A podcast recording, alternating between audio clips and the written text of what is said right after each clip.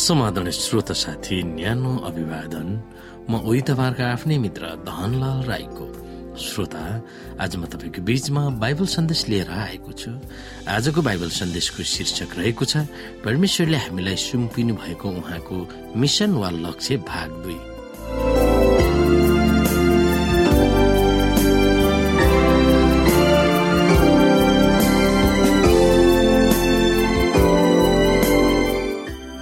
साथी यो परमेश्वरले हामीलाई सुम्पन्नु भएको उहाँको मिसन वा लक्ष्य भाग दुईमा विशेष गरी हामीले अध्ययन गर्नुपर्ने बाइबलका केही पदहरू रहेको छ। यहुन्ना बिस अध्यायको एक्काइस र बाइस मत्ती अठाइस अध्यायको सोह्रदेखि बिस प्रकाश चौध अध्यायको छ र सात व्यवस्था सात अध्यायको छ पद यसै गरी प्रकाश सात अध्यायको नौ र दस। र यो अध्यायमा हामीले सम्झनु पर्ने पद अथवा मेमोरी गर्नुपर्ने बाइबलका मुख्य हर्ष रहेको छ। मत्ती अठाइस अध्यायको उन्नाइस पद यहाँ लेखिएको छ यसकारण आऊ र सबै देशका जातिहरूलाई चेला बनाऊ पिता पुत्र र पवित्र आत्माको नाउँमा तिनीहरूलाई बत्तिसमा पनि दियो। श्रोता हाम्रो परमेश्वर लक्ष्य प्रेरित परमेश्वर हुनुहुन्छ भन्ने विषय बाइबलभरि फैलिएको छ। मानव इतिहासलाई जोड्ने धागो नै यो विषय हो र यसले आफ्नो सृष्टिको कामको लक्ष्य के हो सो परमेश्वरले खुलासा गर्नुभएको छ। अझ यस विषयमा मानिस सृष्टि गर्नु ईश्वरीय लक्ष्य के हो सो समावेश भएको छ। त्यो हो उहाँका पतित मानवीय सन्तानमा उहाँको स्वरूप पुनर्स्थापना गर्नु।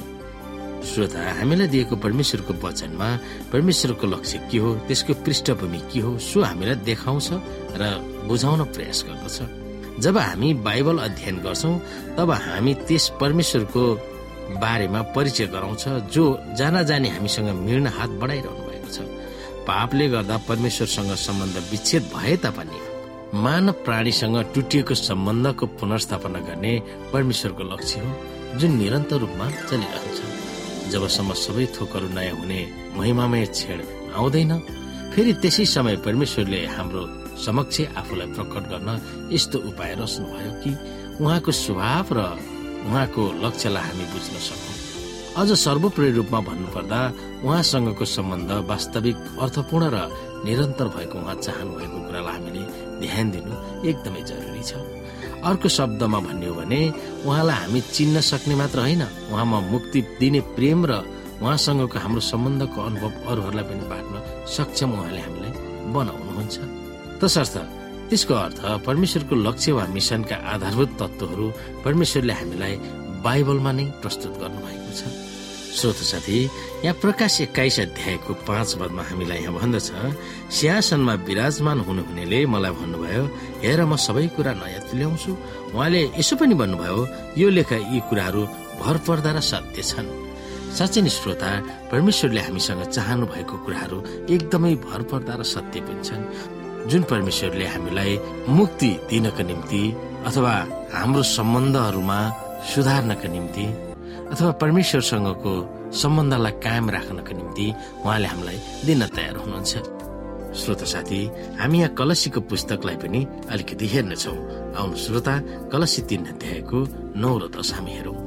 कलसी तीन अध्यायको नौ र दसले हामीलाई भन्दछ एउटाले अर्कालाई नढाट किनकि पुरानो स्वभाव त्यसका चाल समेत तिमीहरूले त्यागेका छौ र नयाँ स्वभाव धारण गरेका छौ जो आफ्नो सृष्टिकर्ताको रूप अनुसार ज्ञानमा नयाँ भइरहेको छ। यहाँ हामी बुझ्दछौँ कि श्रोता साँच्चै नै हामीले एउटालाई अर्कालाई ढाँट्ने अनि एउटाले अर्कालाई छल गर्ने स्वभावहरू हामी सबैले त्यागिसकेका छौँ र पूर्ण रूपमा हामी नयाँ हुन आवश्यक छ।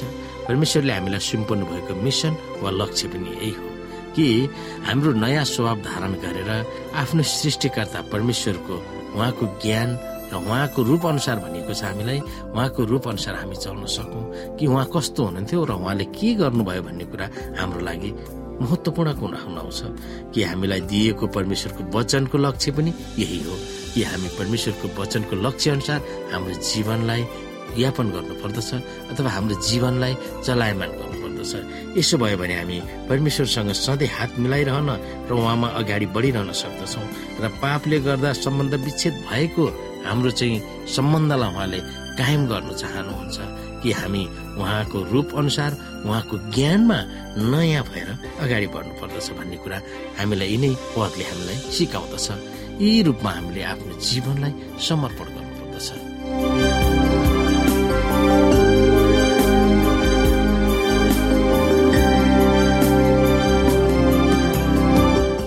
श्रोता साथी आजको लागि बाइबल सन्देश यति नै।